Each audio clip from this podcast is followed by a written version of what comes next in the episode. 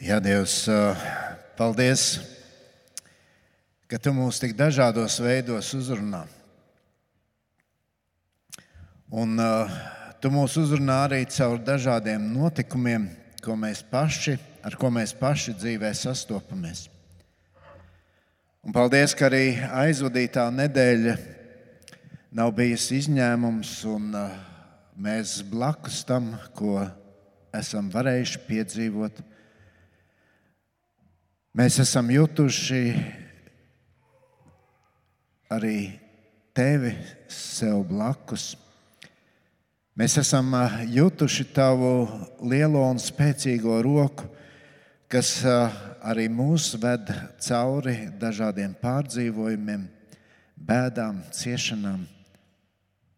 Un paldies, ka tu esi tāds īpašs Kristu, uz ko mēs varam paļauties. Un svētī mūs arī šodien tavu vārdu pārdomājot.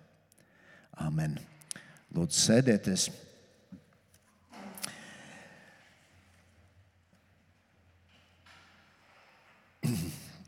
Es gribu teikt paldies visiem, kas ir jau līdz šim bijuši šeit priekšā vai darbojušies neredzami kaut kur, lai šis dievkalpojums varētu notikt. Un, uh, Šodien mēs divus debijas piedzīvojam.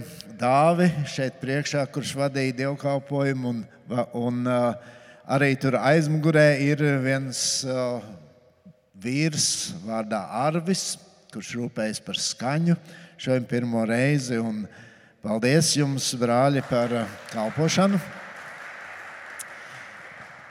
Un, protams, paldies mūziķiem par uh, dziesmām, ko varējām dziedāt. Un, uh, tās mūsu domas noskaņo tam, par ko mēs varēsim domāt. Un, ja jūs ievērojat dziesmas, par ko bija šodien, uh, par Jēzu, par to, kāds viņš ir, kādu mēs viņam, viņu varam iepazīt.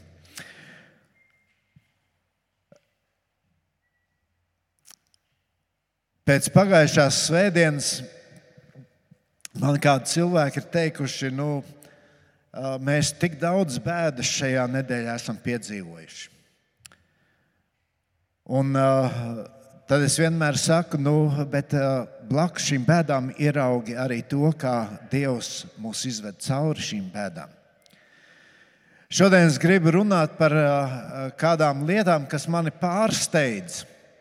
Un es ceru, ka kā arī tas būs iemesls jums raudzīties nākošajā nedēļā atkal uz savu dzīvi un ieraudzīt, piedzīvot kādu pārsteigumu.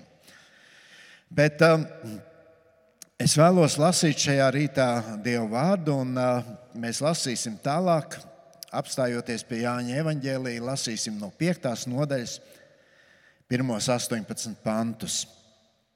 5. nodaļa, 1. 18 panti. Pēc tam bija jūdu svētki, un Jēzus nogāja uz Jeruzalemi.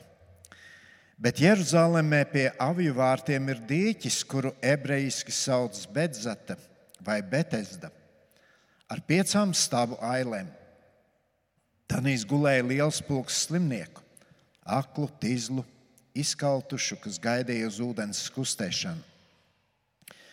Jo savā laikā eņģelis nolaidās dīķī un ūdeni sakustināja Kurš tad iekāpa viņā pirmais pēc ūdens sakustēšanās?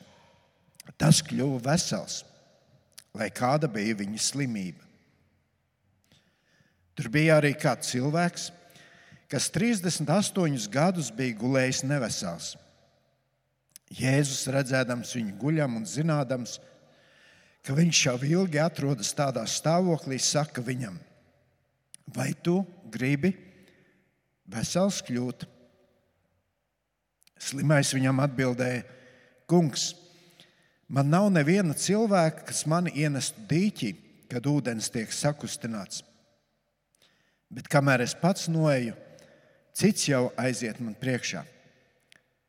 Jēzus viņam saka: Celies, ņem savu gultu un staigā. Un tūdaļ tas cilvēks kļuva vesels, paņēma savu gultu un sāka staigāt.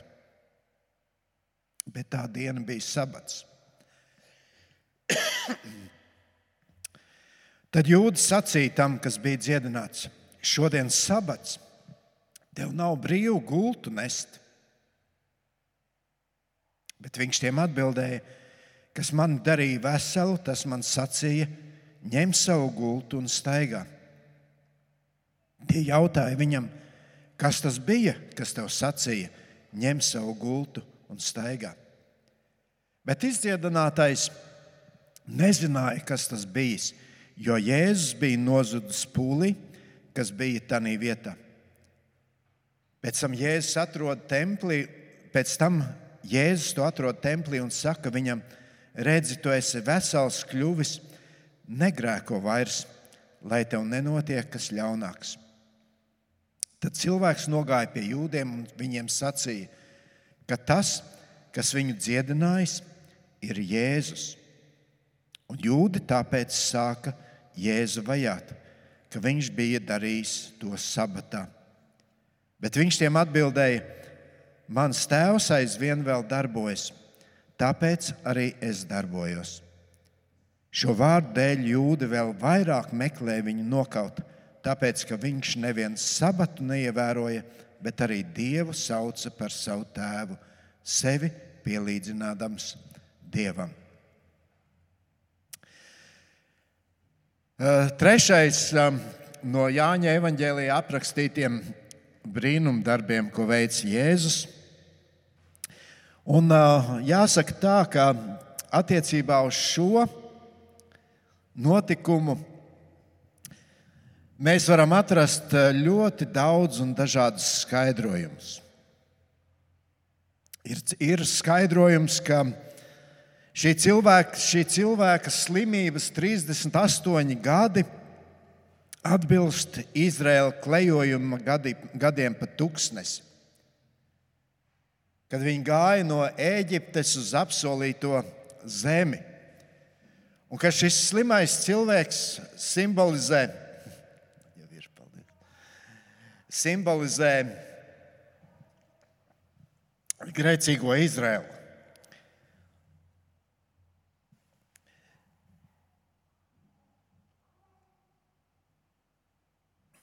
Citi ieraug šeit pieminētās piecus, piecus stabu ailes, jeb piecas kolonas. Un, uh, viņi saka, ka nu, šis skaitlis pieci norāda uz piecām likuma grāmatām. Kad citi saka, nē, nē, tas nav pareizi. Uh, šīs piecas kolonas norāda uz uh, piecām Kristus rētām. Vēl mēs varam atrast uh, skaidrojumu, ka šis Betesdas dīķis, par ko šeit ir runa, tas uh, kaut kādā veidā simbolizē kristību. Un kāda šajā brīnumā saskata šīs dokt, doktrīnas, ka cilvēks var tikt izglābts caur kristību apliecinājumu. Bet es šodien negribu tik daudz apstāties pie šīm eh, lietām, ko es pieminēju, jo mani īpaši uzrunā, domājot par Jāņa evaņģēliju, kā Jānis caur šiem dažādiem notikumiem, kā viņš rāda Kristu. Jānis stāstot šos dažādos notikumus, liecinot par Kristu, rāda, cik unikāla ir šī personība.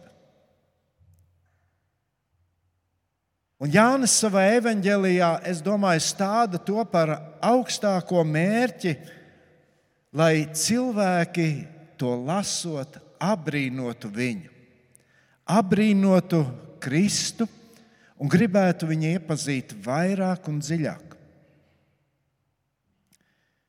Viens moments, gan, kad mēs lasām šo tekstu, šodienas tekstu, tad mēs šeit redzam, ka ar šo brīdi sākas eh, Jēzus Kristus vajāšanas.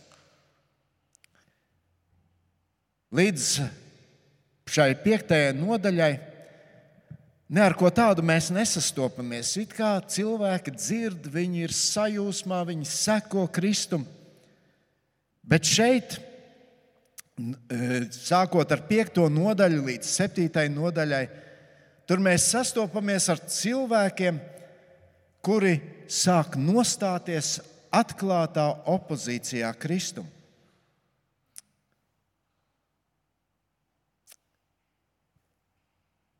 Šodienas teksts, šie 18 panti. Es gribu teikt, tā, mani, es apbrīnoju tajā, un es to saliku, apkopoju tādās trīs lietās. Vispirms es apbrīnoju šo Jēzus diženumu, jeb Jēzus varenību, kurā izpaužas viņa paklausībā, viņa žēlsirdībā, līdzjūtībā. Man pārsteidz viņu, viņa opozīcijas naids, jeb jūdu naids, ko mēs šeit redzam šajā tekstē, tekstā. Un treškārt, arī šī paša izdziedinātā cilvēka reakcija ir lielā mērā pārsteigums. Kā viņš uz to reaģēja, ko viņš darīja pēc tam, kad viņš tika izdziedināts. Tātad tā pirmā lieta, ko es apbrīnoju, es to nosaucu Kristus varenību. Un mēs šeit redzam, kā Jānis mums šo Kristus varenību atklāja ar tādos četros veidos. Vispirms, viņš rāda mums Kristus paklausību. Jāņa evanģēlijā, 5. nodaļā, 1. pantā mēs lasījām, pēc tam bija jūdu svētki, un Jēzus nogāja uz Jeruzalemi. Ziniet, parasti mēs lasot šādus pantus, nu, īpaši uzmanību jau tiem nepievēršam.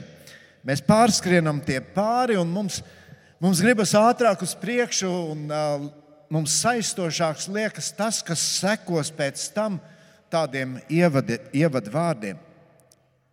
Bet atcerēsimies, ka Jēzus līdz šim darbojas Galilejā apmēram gadu. Un, uh, Bībeles pētnieks saka, ka starp 4. un 5. nodaļu ir apmēram viens gads. Gads, par kuru mēs varbūt maz zinām, kas ir noticis Jēzus dzīvē, vismaz no Jāņa evaņģēlīja. Un tad Jēzus iet uz Jeruzalemi svinēt svētkus. Kāpēc viņš to darīja?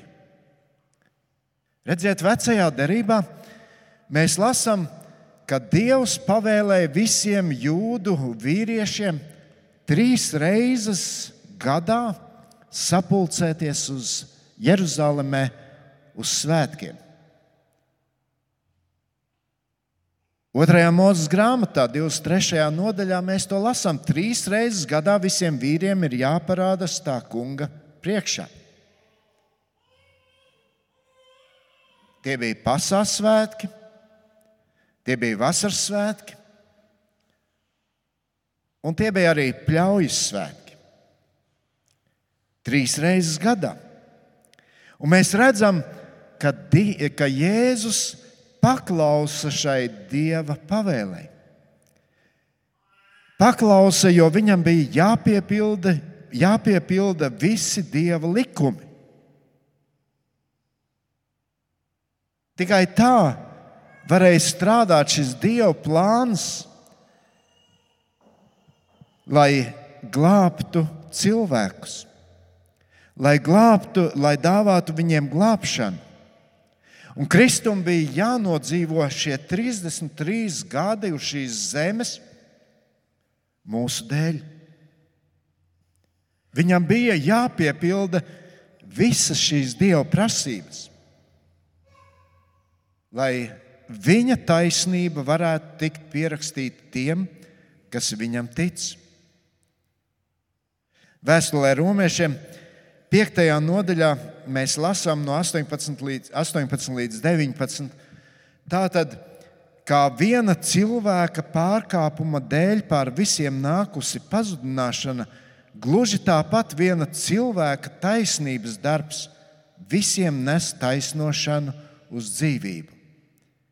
Jo kā ar viena cilvēka nepaklausību neskaitāmi kļuvuši grēcinieki, tāpat ar viena cilvēka paklausību neskaitāmi kļūs taisnot.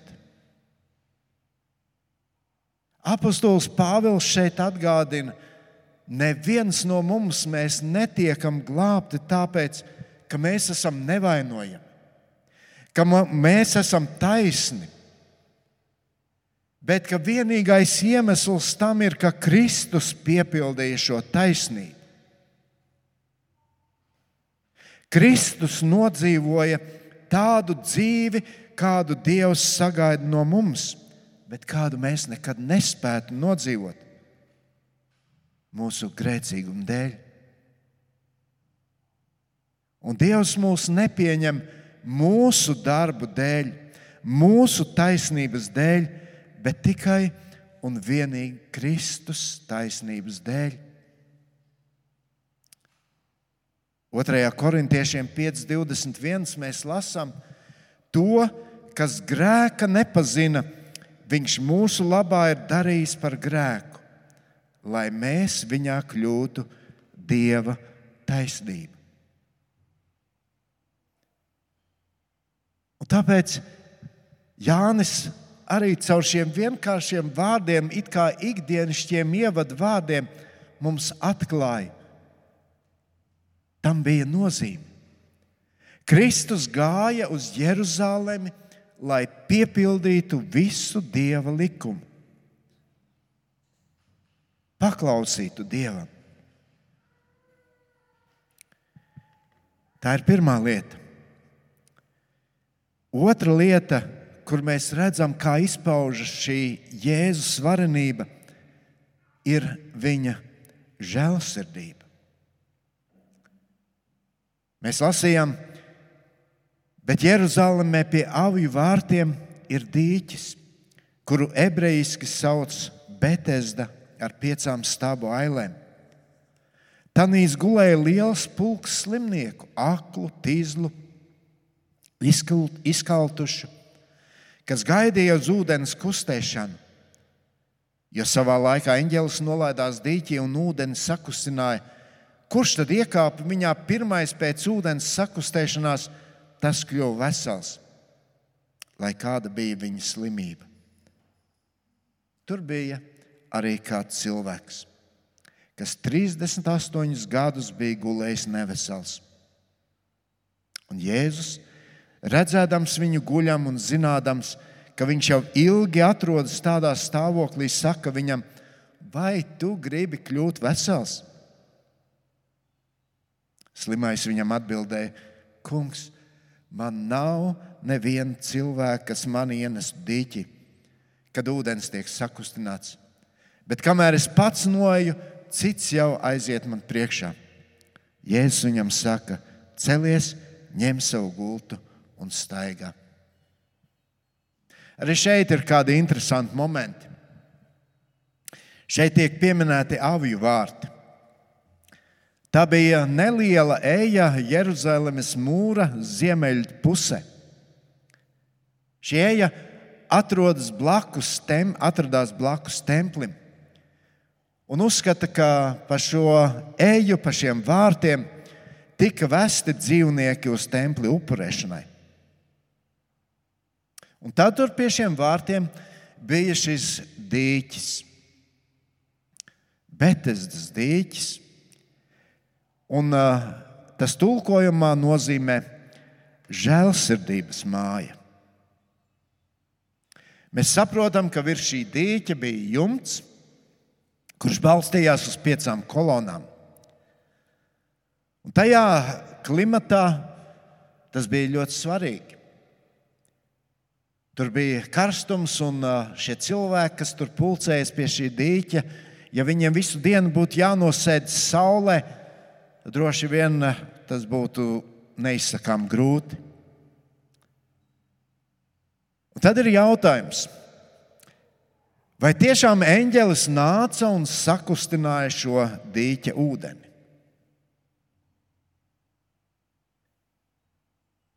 Ir diezgan grūti uz to atbildēt.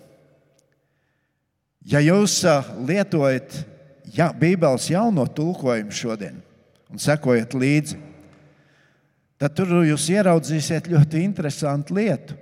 Tur ir pirmais, otrais, trešais pants, un pēc tam seko piektais. No tā tulkojuma, ko mēs lasījām, tur ir arī šis ceturtais pants bet jaunajā tulkojumā nav. Un, uh, izrādās, ka 4. panta senākajos manuskriptos, atrastajos manuskriptos, nemaz nav.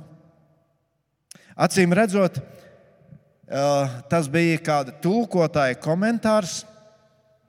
Tad nu, zinātnieki ir izpētījuši, ka ūdens sakustēšanās notika no pazemes avotiem. Un šie pazemes avoti bija ļoti bagātīgi ar dažādām minerāl, minerāliem. Kad šis avots tur izplūda, tajā brīdī tā ūdens krāsa kļuva tāda sarkanīga. Un šis ūdens palīdzēja no daža, pret dažādām slimībām. Un tāpēc šie slimie cilvēki tur pulcējās. Interesanti arī tas, ka jaunajā derībā šī ir vienīgā vieta, kur eh, šis dīķis ir pieminēts. Nekur citur mēs to neatradīsim. Nav pieminēts arī neviens cilvēks, kurš no tā būtu kļuvis vesels. Bet, ziniet, ne jau tas uzsvars šeit ir šis dīķis, bet tas uzsvars ir šis pats cilvēks. Cilvēks, kuru Kristus dziedināja. Un par viņu mēs zinām, viņš bija slims 38 gadus. Padomājiet, šis cilvēks bija dzimis pirms Jēzus piedzima. Viņš jau dzīvoja. Un tad atnāk Jēzus un pievērš viņam savu uzmanību. Jēzus nāca uz svētkiem. Šie svētki tika svinēti ar lielu vērienu. Tur bija līgsmība, tur cilvēki dejoja, dziedāja dziesmas. Bet Jēzus arī šajos svētkos viņš ir klāts ar savu līdzjūtību un žēlsirdību pret cilvēkiem.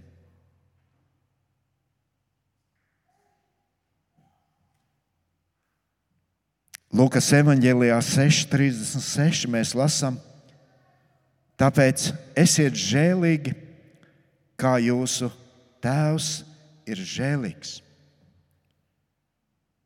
A, kā mums vajadzētu mācīties šo lietu no Kristus?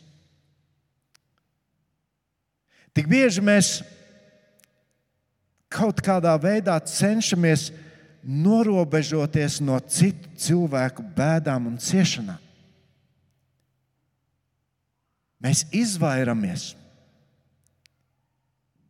Jēzus tā nedarīja. Viņš to nedarīja pat svētku laikā. Viņš apstājās pie šī cilvēka un palīdzēja. Un tas man liek domāt, cik svarīgi ir neizvairīties no cilvēkiem, kuri cieš. Būt viņiem blakus, iedrošināt līdzi just. palīdzēt. Kristus žēlsirdība. Trešā lieta, ko mums atklāja Kristus varenība, tas ir viņa spēks. Mēs lasījām no 8. līdz 9. pantam, Jēzus viņam saka, celies, ņem savu gultu un staigā. Un tūdaļ tas cilvēks kļuva vesels paņēma savu gultu un sāka staigāt. Wow. Cilvēks dara to, ko viņš 38 gadus nespēja darīt. Abrīnojams spēks. Ziniet, mēs varbūt reti par to aizdomājamies, bet Man ļoti patīk vārdi, kas ir vecajā derībā. Pirmajā mūzes grāmatā, 18. nodaļā. Tur ir jautājums, vai tam kungam kaut kas būtu neiespējams?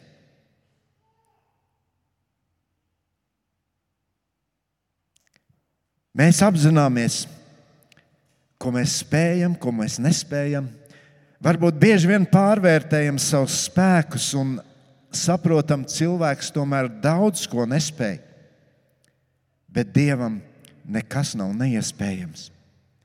Kristum, Dieva dēlam, nekas nav neiespējams.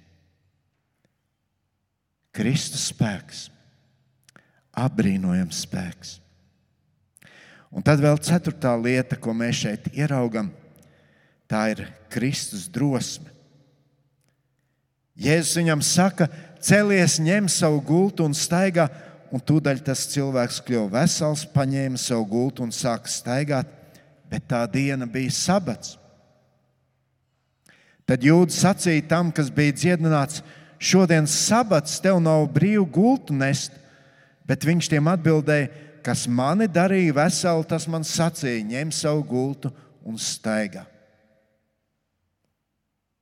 Sabats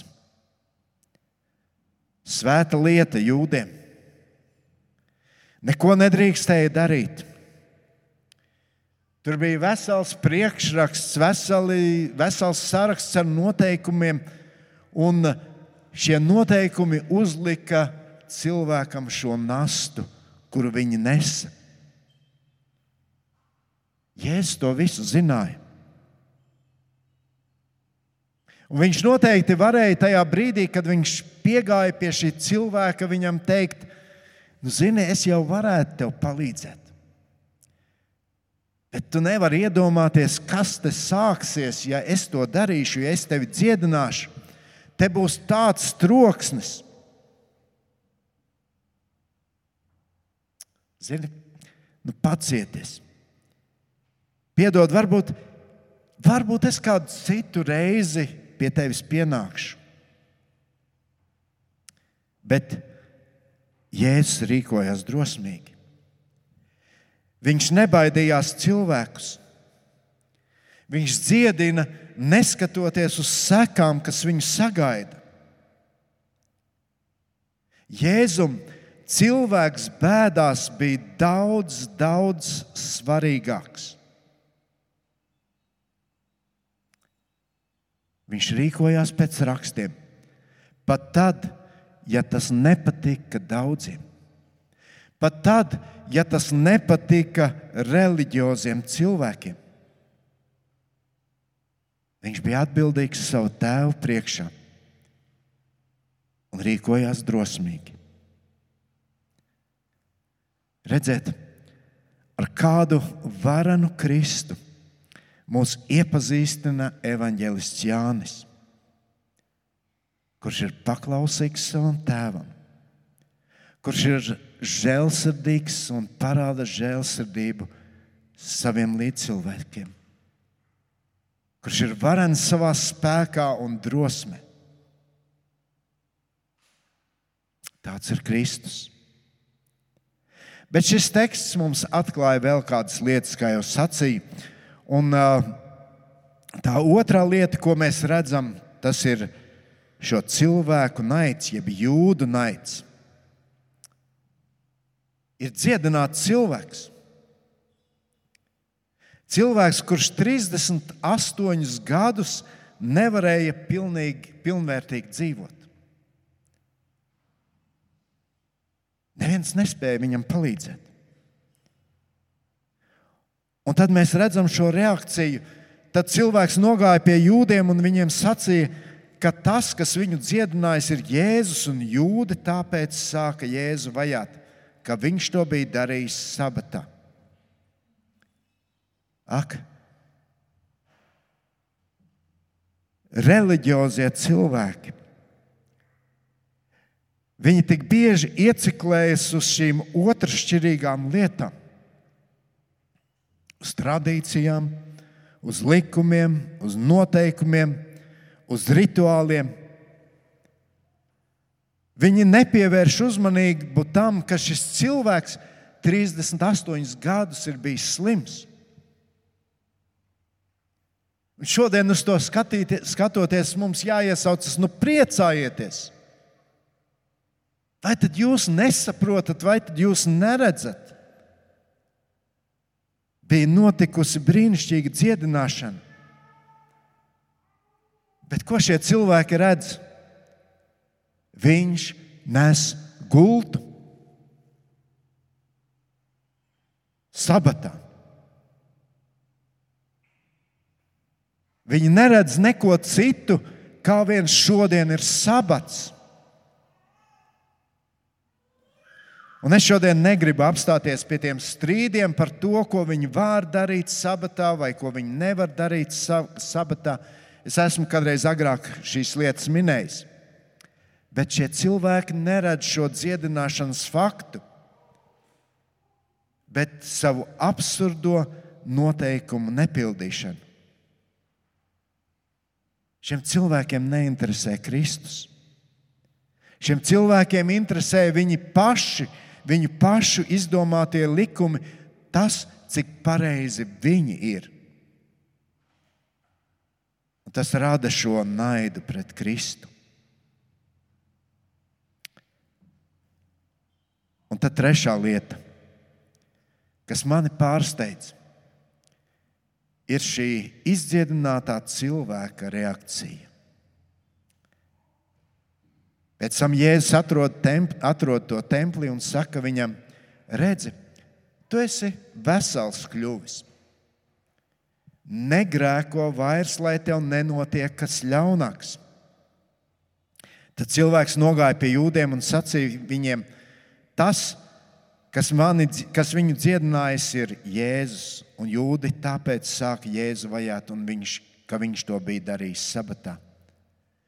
Paskatieties uz šo cilvēku.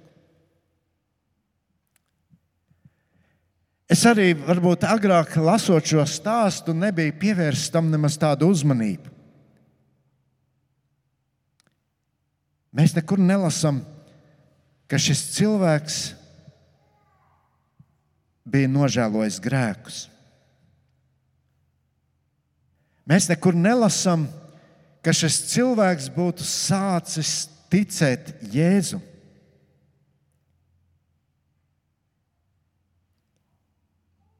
Savādi, ka šis cilvēks pēc tam, kad viņš saņēma dziedināšanu, viņš nemaz nemeklēja Jēzu. Par citiem, par kuriem esam jau lasījuši, mēs tur lasām, ka parasti viņi pēc tam sekoja Jēzum. Šis cilvēks pat nepateicās. Un Jēzus uh, nesaka šim vīram to, ko mēs lasījām, ko uh, Dāvis lasīja ievadu lasījumā no Marka evaņģēlīja otrās nodaļas.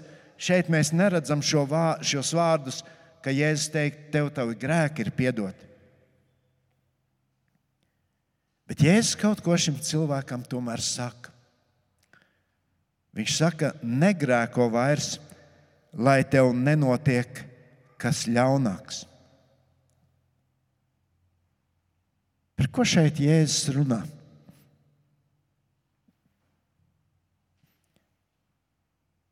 Man liekas, Jēzus tomēr ar šiem vārdiem mums kaut ko ļoti svarīgu grib pateikt.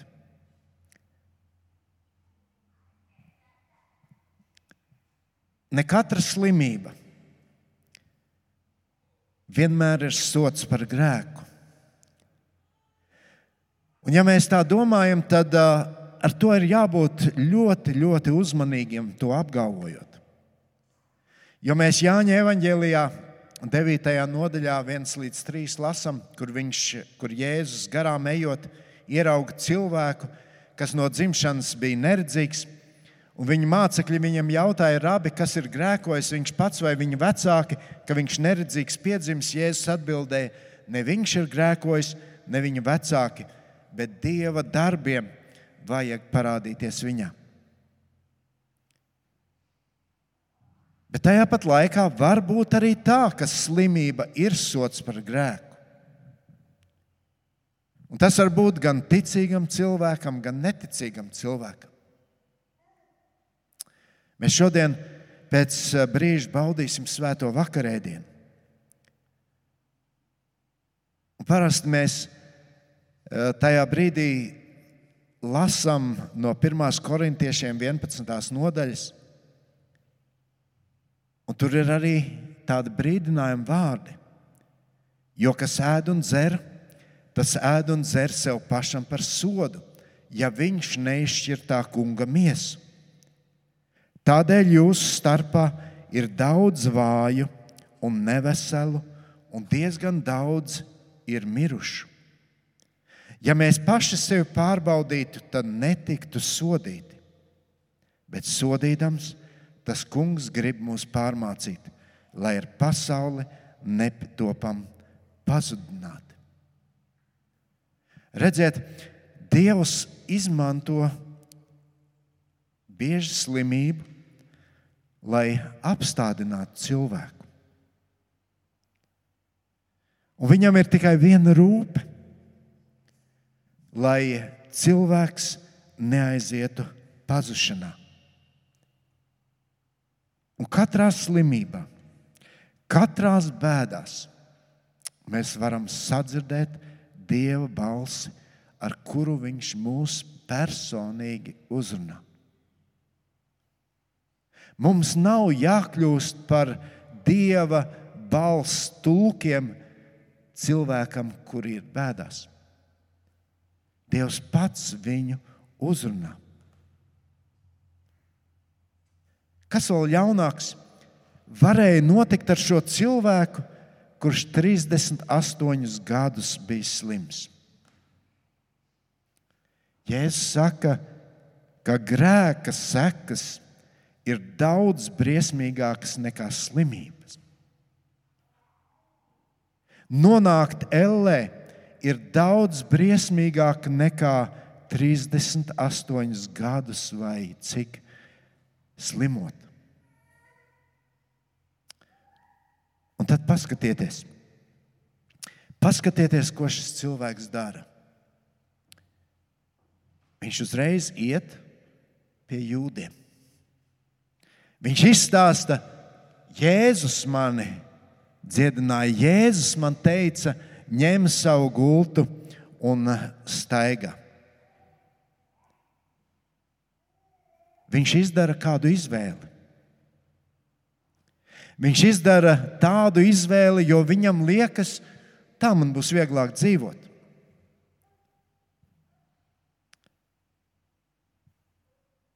Šis stāsts nav par to, ka šis cilvēks tika dziedināts un sāka ticēt Kristum.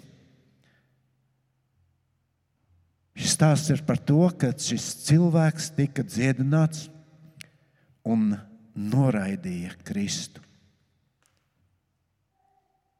Mīļie, tāds viņš nav vienīgais. Mēs nezinām, cik cilvēkus Kristus dziedināja savas kalpošanas laikā uz zemes. Noteikti daudz, tūkstošus. Cik daudz no viņiem palika ar Jēzu? To nebija daudz. Mēs lasām, ka pēc tam, kad Kristus tika piesists krustā, viņš augšām cēlās, viņš tika uzņemts debesīs, un viņš teica saviem sekotājiem: sapulcējieties tur, Jeruzalemē, un gaidiet.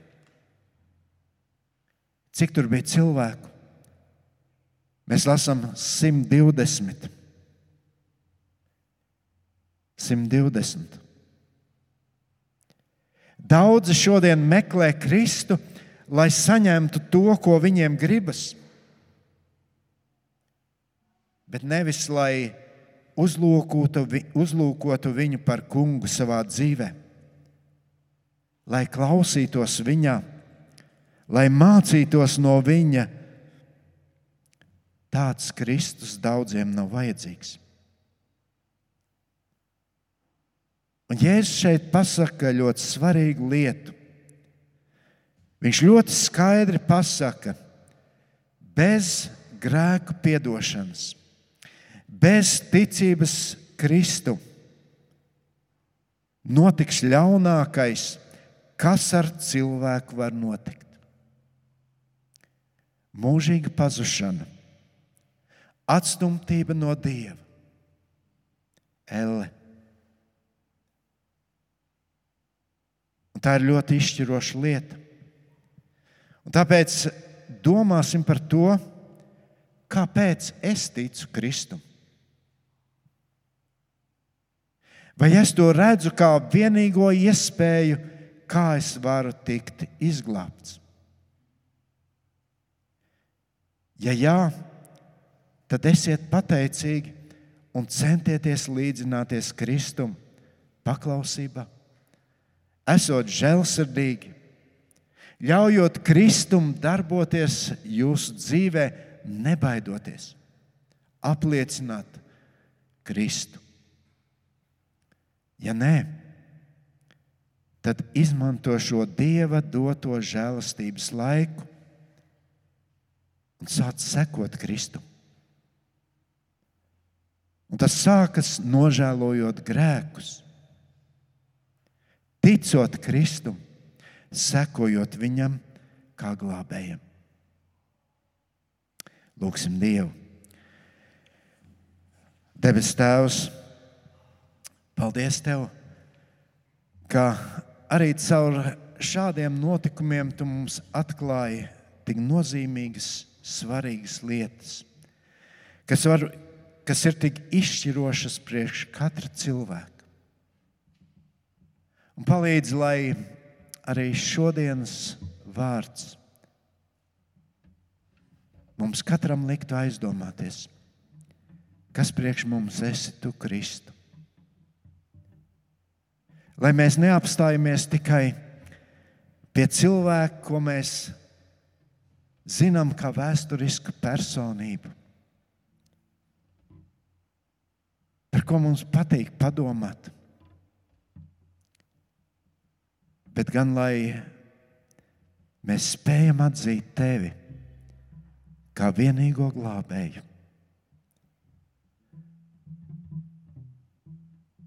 Tikai kurš spēj mūs izraut no šīs pazušanas? Kungs, ja tu mums dāvā vēl šo dienu, ko varam dzīvot, tad palīdz, lai Mēs nopietni par to domājam.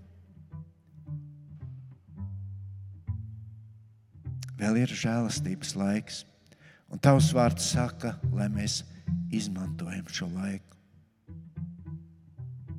Mācoties no Tevis, piepildot Tevis doto uzdevumu, kādu Tu uzticīgi vienam savam bērnam. Apzinoties, savu nespēku, bet zinot, ka tu esi spēcīgs un varens. Paldies, Kristu, ka tu caur savu vārdu mums sevi atklāji. Tik lielu un tik varenu. Amen.